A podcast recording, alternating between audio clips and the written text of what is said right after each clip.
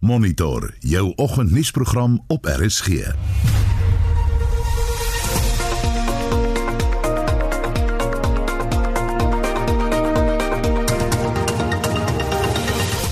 die program vanoggend die minister van Finansies Tito Mboweni word gekritiseer oor nog 'n finansiële reddingsboei vir die Suid-Afrikaanse lugdiens. 10.5 billion rand is allocated to SAA to implement its business rescue plan. Well, let me repeat. Let me repeat. 10.5 billion rand is allocated to SAA to im- no no listen to implement its business rescue plan. Of is dit inderdaad 'n reddingsboei? Ons sal deurlopend in die program aandag gee aan gister se mediumtermynbegrotingstoespraak. Dooie mense en staatsamptenare tel onder diegene wat voordeel uit die werkloosheidsversekeringsfonds se COVID-19 tydelike werknemersverligtingskema getrek het. En die aanrandingssaak teen die leier van die EFF Julius Malema en die EFF parlementslid Mbuyiseni Ndlozi word vandag voortgesit. We must never be threatened by racists who are trying everything in their power to undermine the unstoppable revolution. Goeiemôre, ek is Anita Visser. En ek is Gustaf Greiling, welkom by Monitor.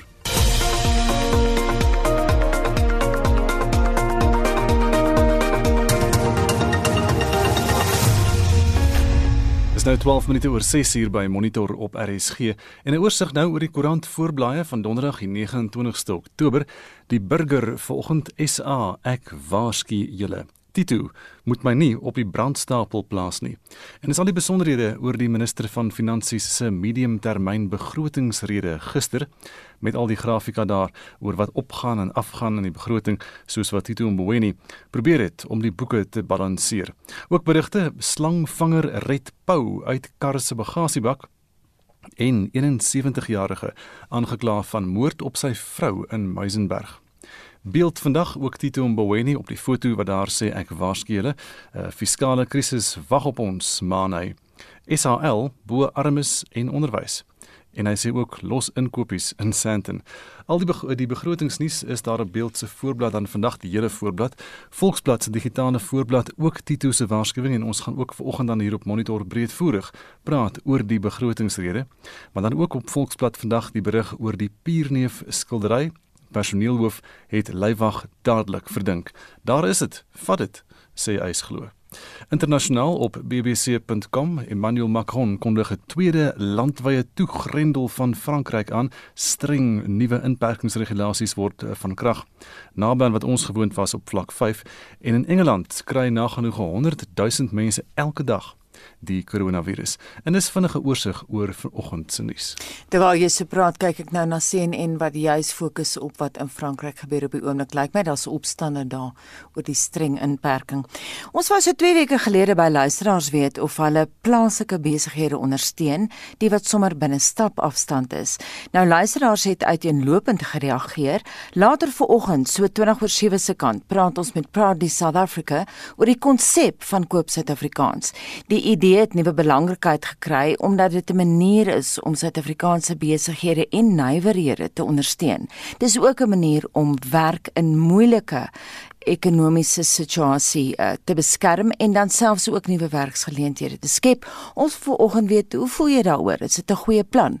Stuur 'n SMS na 45889, dit kos R1.50 of gaan na facebook.com vorentoe skynstreep ZRC of WhatsApp vir ons stemnota na 076 536 6961 076 536 6961 kwart oor 6 in die aanrandingssaak teen die EFF-leier Julius Malema en die EFF parlementslid Mbuyiseni Ndlozi duur vandag in die Randburgse Landdroshof voort. Gister is die media verbied om die saak regstreeks uit te saai nadat een van die kamera-operateurs se selfone gelei het. Nou die staatsgetuie, kolonel Johannes Venter van die polisie, het aan die getuiebank vertel hoe Ndlozi en Malema hom in 2018 by die begrafnis van Winnie Madikizela Mandela glo aangerand het. Die eerste getuie, kolonel Johannes Venter, het in fyn besonderhede vertel hoe Ndlozi en Malema hom in 2018 tydens Winnie Madikizela Mandela se begrafnis na bewering aangeraan het. Hy het hulle gevra om nie met hulle motor by die Fourways gedenkpark in te ry nie omdat daar net genoeg plek vir die motors van die familie was en hy het hulle versoek om in die begrafplaas in te loop. Julius Malema, ek het voel hy spring. Stage,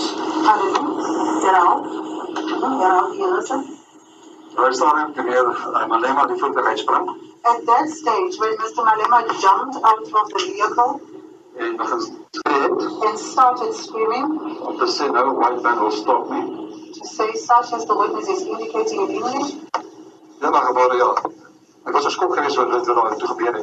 Yes, Your Worship, I was in shock over what was happening there. Duisende EFF-lede het buite die hof saamgekom om die twee leiers te ondersteun. Die adjunkpresident van die EFF, Floyd Shivambu, het gesê die saak sal gou verby wees. The lawyers of the commander-in-chief have now demonstrated to the court that what the guy wrote in the statement on the day they tried to prevent the commander-in-chief from burying Mama Madikizela Winnie Mandela. And what he is saying today and what he said several times are three different things. How should we try Venter? Intussen het Landros Leland Monsemi gelas dat dat alle kameras wat die saak van Julius Malema en Mbuyiseni Ndlovu dek afgeskakel moet word. Dit is nadat een van die kamera-operateurs se selfoon gelei het. Die kamera sal vandag weer toegelaat word om die saak regstreeks uit te saai. Julius Malema het die duisende partylede bedank vir hulle ondersteuning by die hof. We must never be threatened by racists who are trying everything in their power to undermine the unstoppable revolution. So we'll talk with you tomorrow and we want to thank you for coming out today in your numbers. We know today it's very hot here in Joburg. Die videomateriaal van die sekuriteitskameras van die beweerde voorval van aanranding op die polisie-kolonel Johannes Venter deur Malema en Ndlosi by die Fourways gedenkpark is in die Randburg Landdros Hof gespeel.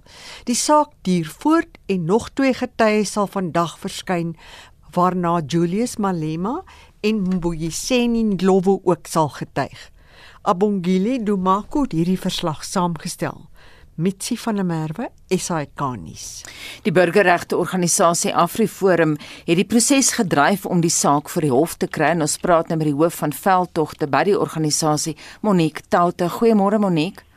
Goeiemôre. Vertel ons meer van hoe jy die saak voor die hof gekry het. Uh, so Afriforum het in Julie 2019 aangekondig uh, dat ons die hof met 'n mandamus aansoek gaan nader um, om die nasionale vervolgingsgesag te verplig om 'n besluit te neem oor of um, die vervolging van Malema rakende hierdie saak sal voortgaan of nie. Um, en die nasionale vervolgingsgesag het toe besluit dat hulle wel gaan vervolg. Um, so Afriforum het dus druk op die nasionale vervolgingsgesag geplaas wat toe gelei dat hulle uiteindelik hierdie saak ehm um, vervolg. So ehm um, ons was gister in die hof, ons was die vorige verskynings ook in die hof. Ehm um, en Afriforum ons privaat vervolgingseenheid ehm um, sal voortgaan vandag ook om dan die saak in die belang van geregtigheid te moniteer. Hoekom voel jy so sterk oor 'n skuldig bevinding? Wel, niemand is verhewe bo die reg nie. So dit sou kom Afriforum ook verwelkom dat ehm um, die feit dat Malema en en Louis nou uiteindelik hulle dag in die hof kry. Ehm um, so mense soos Malema dink dat hulle onaantastbaar is, um, maar te danke aan die feit en die druk wat Afriforum op die nasionale vervolgingsgesag uitgeoefen het, moet hy nou uiteindelik verantwoording doen. Sou jy 'n tronkstraf wou sien? Ehm um, wel enige vonnis kan opgedoen word um, in 'n aanrandingssaak. Um, maar Afriforum um, en ons privaat vervolgingseenheid wat nou die saak moniteer, um, is van mening dat indien die staat hul goed van hulle taak kwyt, um, sal vir hul verswaarende omstandighede kan argumenteer in hierdie saak wat dan die gevolg sal hê dat Malema wel tronkstraf opgedoen word. Monique, is jy tevrede met hoe die verrigtinge in die hof verloop? Um, ek dink dit was baie meer um, ordelik vandag en gister as by die vorige verskyning. Ehm um, so ons is tevrede met hoe dit gister en um, gegaan het en ons hoop dat dit so voort gaan gaan vandag. Daar was 'n groot polisie te um, verteenwoordigheid ook gister. Ehm um, so ons is gelukkig met hoe dit tot dit vergaan. Baie belangrik dat die media dit dek want dit is 'n hoë profiel saak. Hoe voel julle daaroor dat die media nou belet is om verder klank of video op te neem? Ja, Afriforum sê nog van die begin af dat dit is definitief in die publieke belang dat hierdie saak wyd uitgesaai word. Ehm um, so ja, so dit is net vir ons baie belangrik en ons voel ons vandag se daar kan mens nie eintlik meer toelaat dat sake nie uitgesaai word nie as ons kyk na um, die groei van sosiale media en die verspreiding van inligting.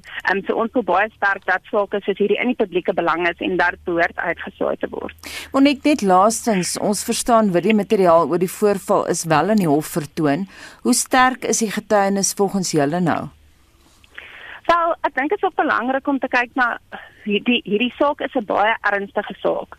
Ehm um, so eerstens is dit 'n um, ernstige oortreding om 'n polisieman in uniform aan te rand. Um, en tweedens is Malema ook 'n lid van die parlement en hy moet 'n voorbeeld vir die publiek um, en sy volg uh, en sy volgelinge stel. En derdens um, erken Malema en Lozi die aanranding, maar hulle sê dat die polisieman dit verdien het. En so hierdie klagte is 'n baie erns is baie ernstig en dit kan nie geduld word nie. Um, so ons land is reeds te gewelddadig en die polisie ag en politici moet 'n voorbeeld stel en indien nie moet hulle verantwoording doen. Baie dankie dit aan Monique Taute die hoof van veldtogte by AfriForum.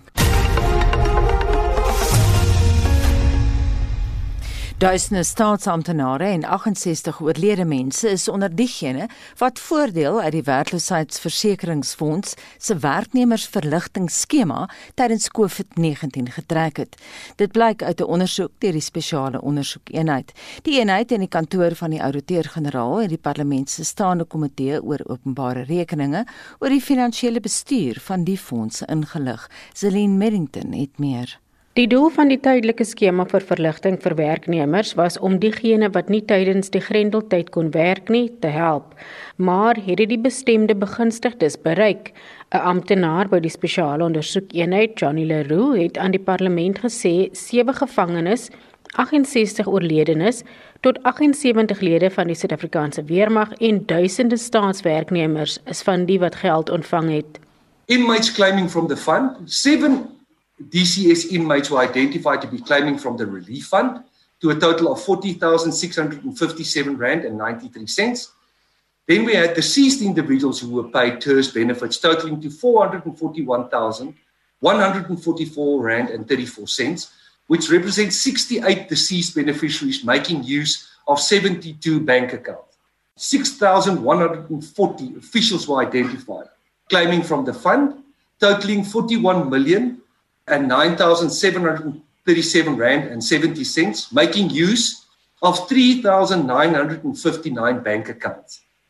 Of the 3959 bank accounts identified 581 accounts were associated to multiple beneficiaries to 3079 beneficiaries Die kantoor van die ouditeur-generaal het onder andere bevind dat inligting nie ordentlik nagegaan is nie. Sibongile Lubambo sê hulle het onder andere bevind dat nie Suid-Afrikaanse burgers wat vir die afgelope 12 maande nie bydraes gemaak het aan die fonds nie en diegene wat reeds 'n ander regeringstoelaag ontvang, voordeel getrek het as ook ander onreëlmatighede. We have picked up payments that have been made the payment date is before the application date, which ordinarily should not necessarily happen. So we flagged that, and I know the SIU colleagues have covered it. LPS het almoes nou uitgespreek. 'n ANC LP Bekkie Hadebe sê dit is ontstellend. With the levels of unemployment, inequalities and poverty in our country, it's very disturbing chair to learn that you still have 6,140 civil servants state employees defrauding the very same state that put bread on their table to a tune which is approximately 41 million. Chair, we are also not respecting the death. You have individuals, 68 claims from a deceased individuals to a tune of 441,000 chair.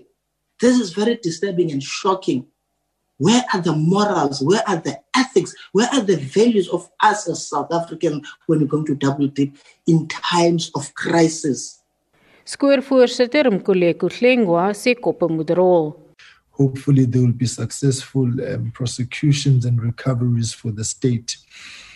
But also, I think at the same time, um, particularly just around the issues around of um, the SANDF, if it is found that those soldiers officials of the SANDF were um, complicit in aiding and abetting the corruption, they should be dismissals.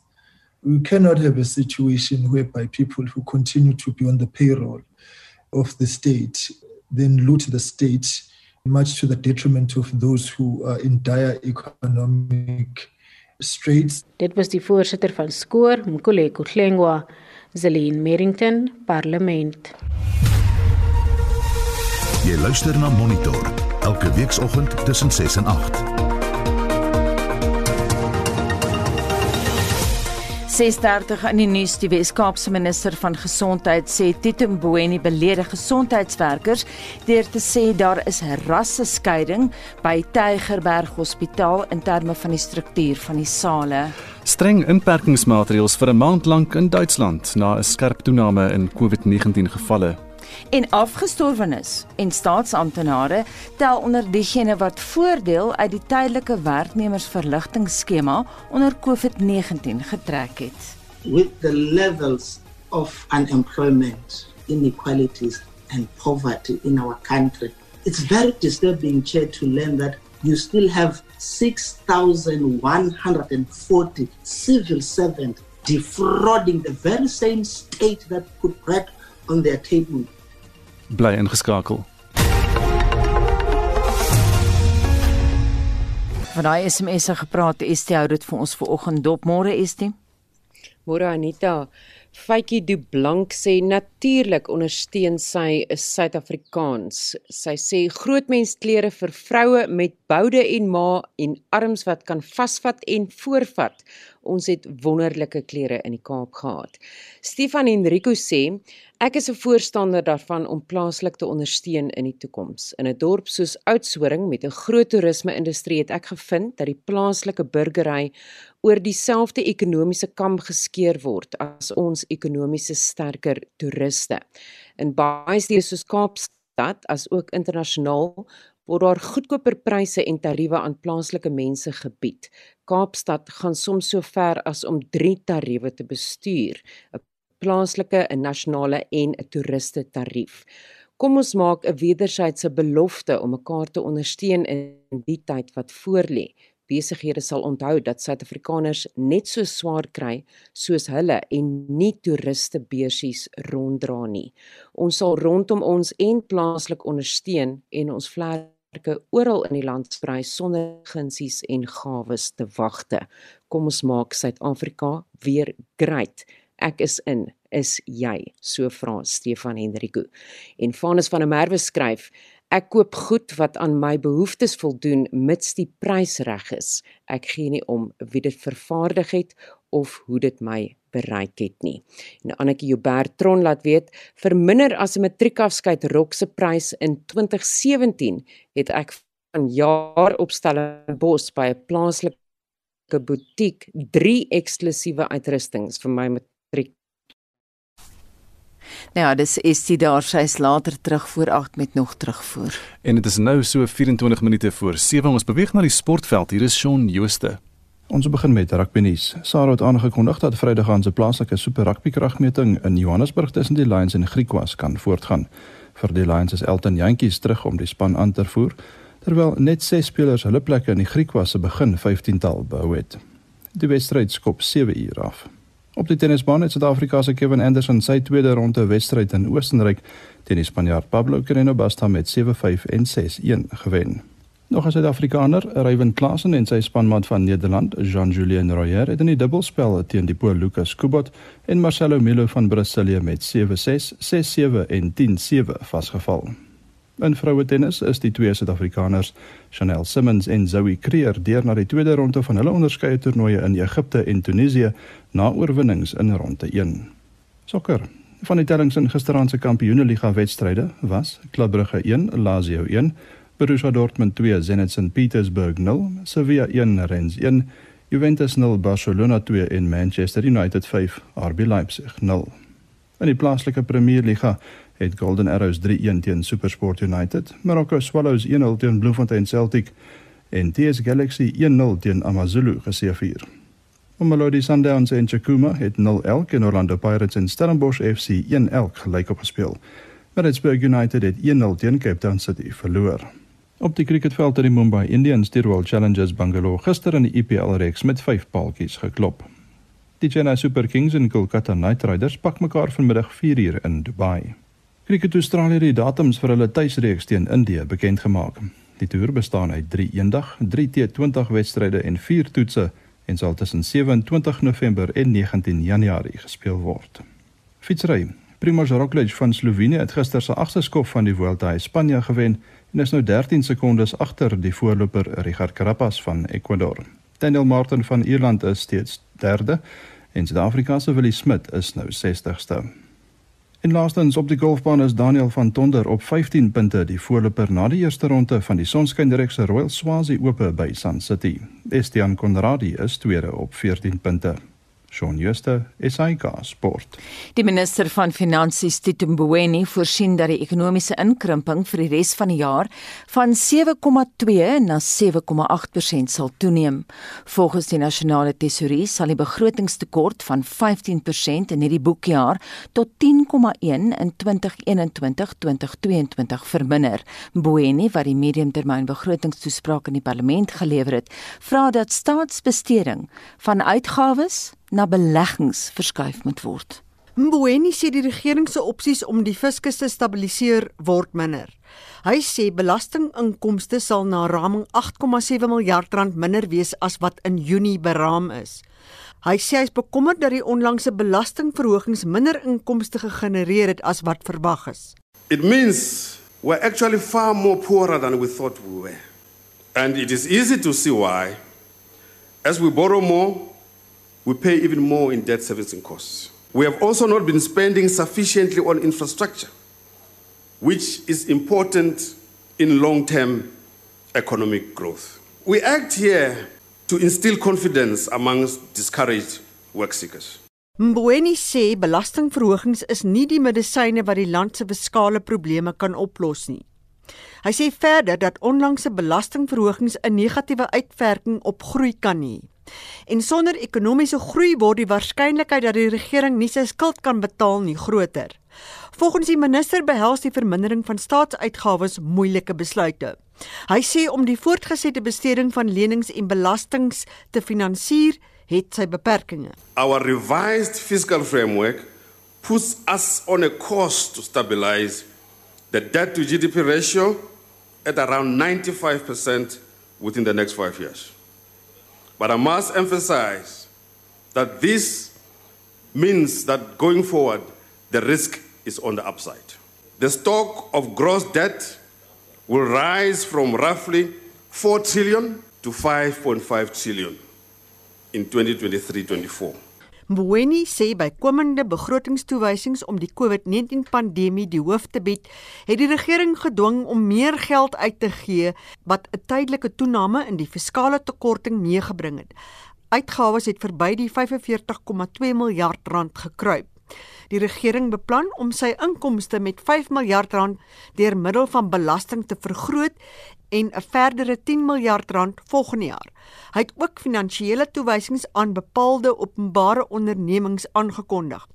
Die toewysing aan SAL, die Landbank, Eskom en Ukosa sal uit die herprioritisering van fondse kom wat vir nasionale departemente en munisipaliteite bedoel was.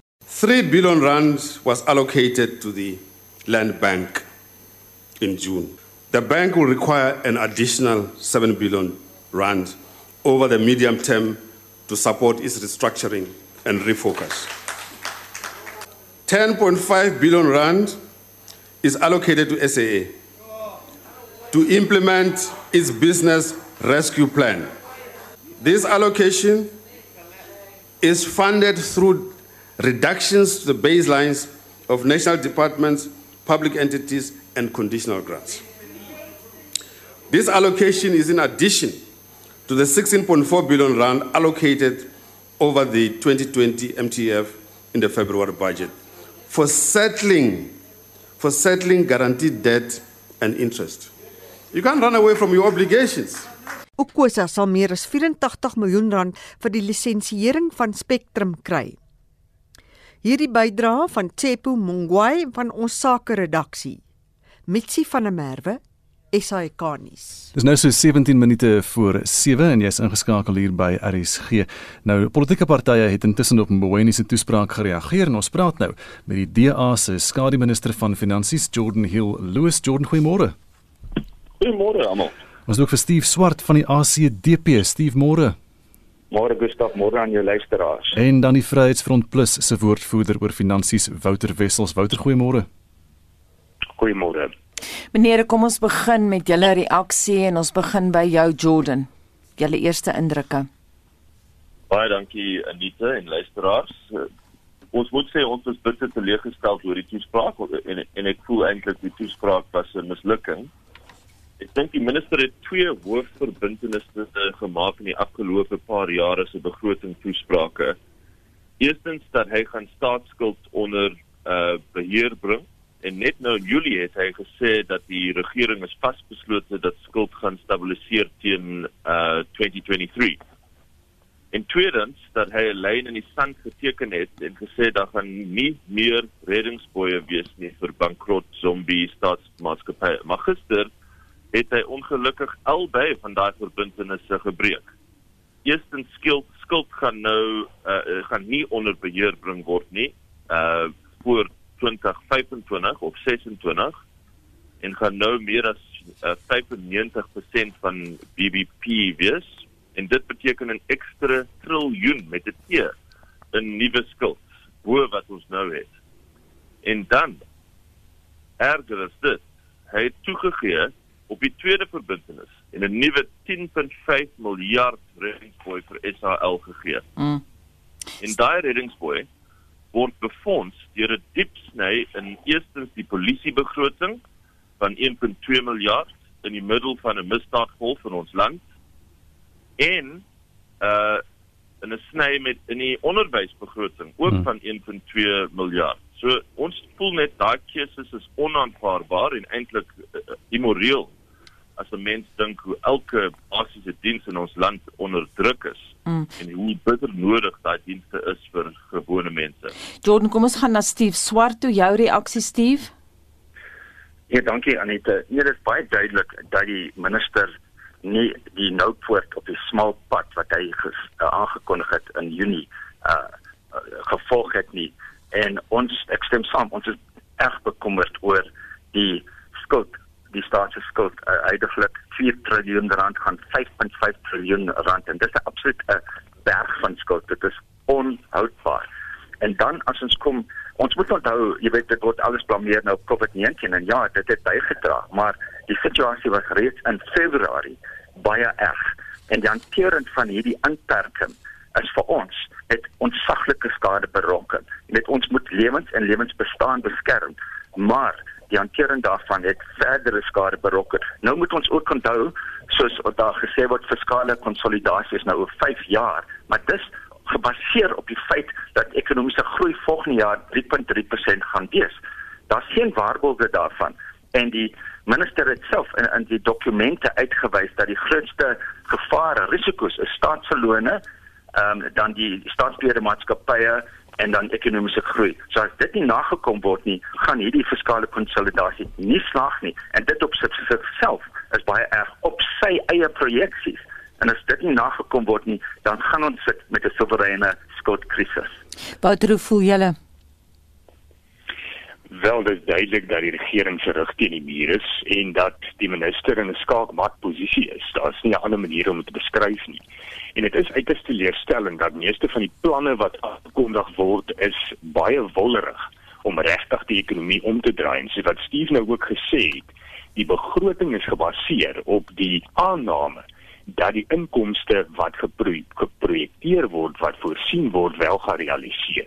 En dit is hoogs onwaarskynlik oor die volgende 3 jaar dat ons wel by daai staatsinkomste gaan kom. En dit beteken die boeke gaan nie klop nie. Dit beteken die aannames wat gemaak word in die begroting is eintlik absurd en onrealisties en dat uitgawes besnoei gaan word soos wat daar voorsien word is ook hoogs onwaarskynlik veral wat die salarisrekening betref omdat die vakbonde dit nie gaan toelaat nie. So die regering se se se rug is werklik teen die muur. Die 10.5 miljard rand aan SAL is werklik 'n klap in die armes in Suid-Afrika en in die belastingbetalers se tande en is onaanvaarbaar. Nou Tito Mboweni het 'n uitdrukking gehad, hy het gesê we shift spending from consumption to investment. Met minder verbruik en meer belê, sien julle wel so 'n tendens of is hierdie leë woorde, Jordan? Wel, daar is 'n klein uh, skuifing tot infrastruktuur en ons verwelkom dit. Dis uh, dis wat ons gevra uh, vir oor die uh, uh, die laaste paar jare. Hmm. Maar as as ons kyk in die syfers, is dit eintlik net 'n bietjie finansiële spin. Want ons spandeer nou 21 sent in elke rand net op uh, rente op ons skuld. Mm -hmm. En 'n volgende 75 uh nee, jammer, 57 sent in die rand op staatssalarisse. En dit beteken saam dat ons spandeer 78 sent in die rand net op daai twee ding, rente op op ons skuld en staatssalarisse. Daar is bitter min geld oor na dit vir uh, beleggings in in basiese infrastruktuur en in uh, al die ander noodsaaklike basiese dienste uh, wat ons moet lewer vir vir gewone mense. En ehm um, Steve, hoe sien julle dit daardie planne van met staatsskuld?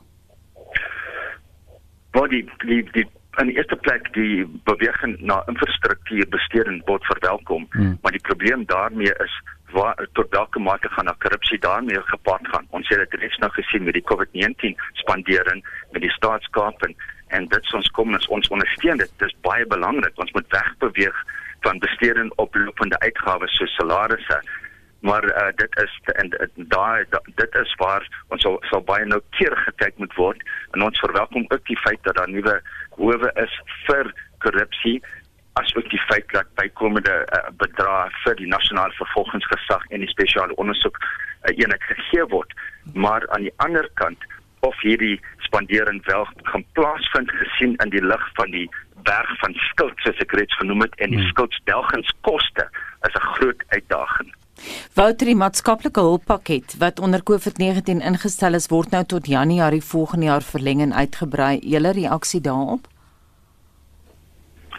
Die aard van die saak is dit nodig in hierdie tye en uh, is dit uh, wat nou moet gebeur aan die een kant, maar aan die ander kant het baie van hierdie toelae nie eintlik gerealiseer nie weens totale onbevoegdheid aan die staatskant en aan die implementeringsagentskap se kant daar's korrupsie uit die aard van die saak betrokke by baie van hierdie verligtingsskemas en by voedselpakkies ensovoorts.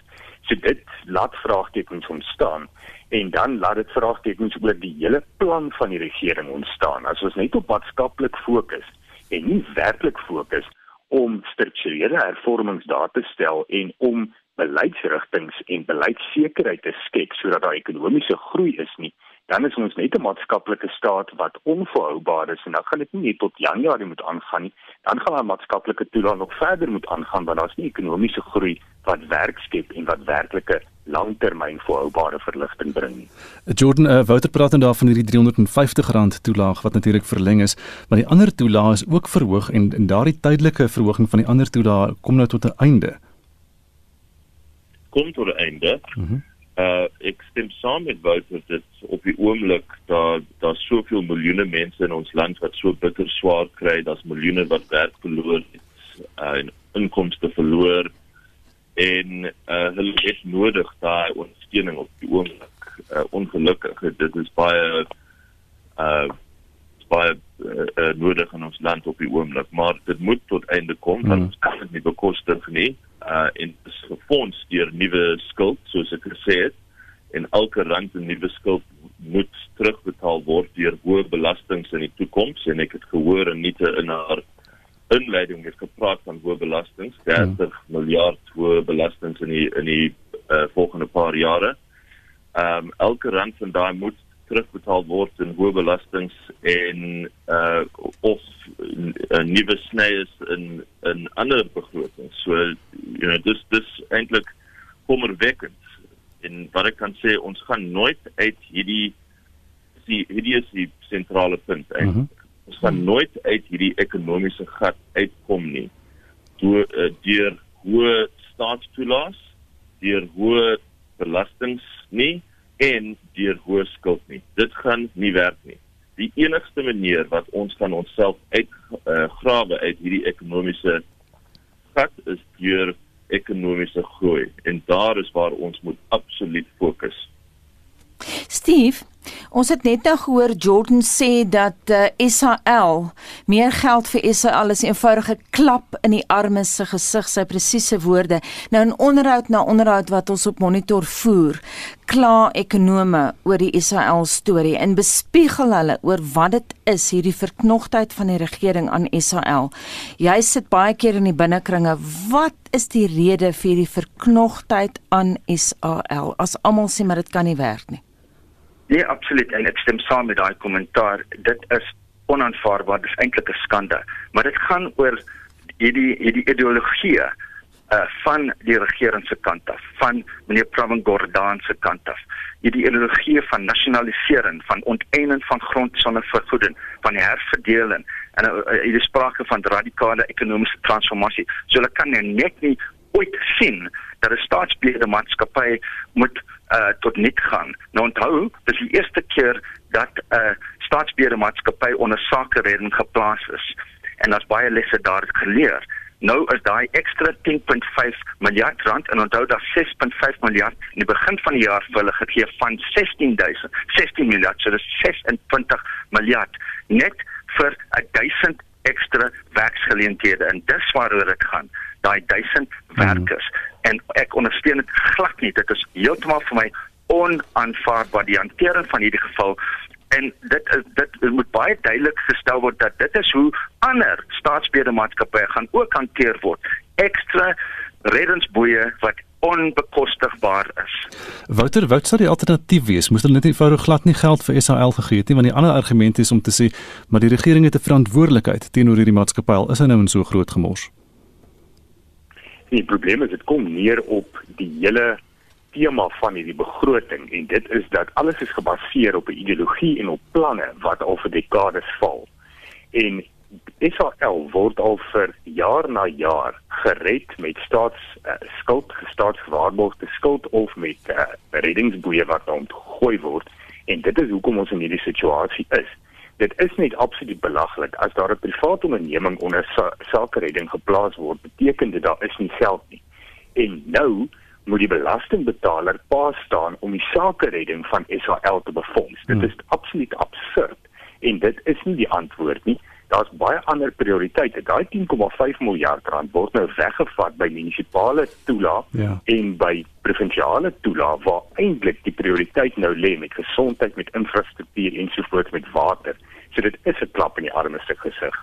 Jordan jou kollegas het nou verwys na dat hierdie toespraak eintlik ideologies gedryf is, maar hoe groot is die rol wat die vakbonde speel? Kyk die minister half oor sy skouer na die vakbonde. Ja, ek dink die vakbonde uh sit die minister en die en die president en die hele kabinet onder ongelooflike druk oor SAL spesifiek uh agter uh, you know behind the scenes. Mm ek dink dit wys nou in die toespraak hoe die minister toegegee het in daai twee uh, kern uh, beloftes of verbintenisse wat hy gemaak het. Maar ek moet net byvoeg as, as ek mag uh, by wat Wouter net nou gesê het. Mm -hmm. En en ook daai vraag antwoord. Ek dink nie die staat het enige ver, verantwoordelikheid uh, uh, vir SAL nie die staat se hoogste verantwoordelikheid is om publieke geld verantwoordelik te bestuur en te beskerm. En dis hoekom ek sê dis dis eintlik dis meer as onaanvaarbaar. Dis immoreel om hierdie keuse te maak om om arme mense en gewone Suid-Afrikaners in die pad te steek vir vir SAL. Net vinnig 'n laaste vraag. Um, dit lyk nou asof hulle al hulle hoop sit op die op uh, infrastruktuurbesteding om die ekonomie reg te spandeer om dit so te stel. Maar daar moet geld daarvoor ook vandaan kom uh, van en en die gesprek is oor pensioenfonds natuurlik. Dat hulle artikel 28 wil wys, wysig en dan lê dat al die batebestuursmaatskappye moet belê in infrastruktuurprojekte. Uh, hoe moet mens daai verstaan? Uh, Steve Nee, ek dink ons moet baie versigtig wees met regulasie 28 enige verwysigings daarvan. Onthou die minister het dit duidelik gestel dat ten alle tye met trustees ten beste belang van hulle uh, lede optree en dan gaan nou 'n uh, aankondiging wees in 'n staatskoerant, uh, maar ek dink ons moet baie baie noukeurig daarna kyk. Ons weet dat voorgeskrewe bates is daar uh, gepraat veral by die staat bankrot is, dan sal hulle kyk na pensioenfonde en ons moet sorg dat dit nie gebeur nie. Baie dankie die laaste woord vanoggend daar aan Stuur Swart van die ACDP. Ons het ook gepraat met die DA se skare minister van finansies Jordan Hill Lewis en die Vryheidsfront Plus se woordvoerder oor finansies Wouter Wessels. Ons gaan vinnig van uh, hierdie politiek en ekonomiese uh, onderhoude gaan ons na SC toe want ons wil hoor wat sê die luisteraars. Anita Gerry sê produkte moet duidelik gemerk wees trots Suid-Afrikaans en Anne Marie Zuidmeer Tilwick sê ek weier om buitelandse produkte te koop. Ek ondersteun Suid-Afrikaanse produkte en my plaaslike winkel en as die plaaslike winkel nie die produk het nie, bly ek daar sonder of pas my resepte aan. En Johan Viljoen laat weet as pensionaris met 'n pensioen wat al minder noodsaaklikhede kan bekostig, koop jy waar dit die goedkoopste is, is mits dit nie geld kos om daar te kom nie. So moenie penny wise pound foolish wees nie. En dan sê Gerda van Heerden, dis hoogtyd dat die klerebedryf Suid-Afrikaanse vaardighede klere van 'n beter gehalte aankoop in plaas daarvan om swak Chinese gemors aan te koop. Charity begins at home. Ons wil vanoggend by jou weet, hoe voel jy oor Proudly South Africa se konsep van koop Suid-Afrikaans wat 'n manier is om werksgeleenthede in 'n moeilike ekonomiese klimaat te beskerm. Stuur vir ons 'n SMS na 45889. Onthou dit kos R1.50. Gesels saam op ons Facebookblad by facebook.com vorentoe skynstreep ZARSG of WhatsApp vir ons stemnota na 076 536 6961. En vir daai stemnotas gepraat hier is 'n paar. Dis 'n baie goeie idee. As ek klein besighede in Suid-Afrika kan ondersteun, hoekom nie? Want die mense wat by ons kom winkels opsit, gaan nie vir ons in hulle lande ondersteun nie. So dit is vir my van kardinaal dat ons ons besighede. By my gaan dit nie oor klere nie. As jy iets in die lewe wil bereik, doen dit en ek sal jou ondersteun. Jonathan April op Gouda en dit bring ons by die 7 uur nuus. SAK nuus. Onafhanklik, onpartydig.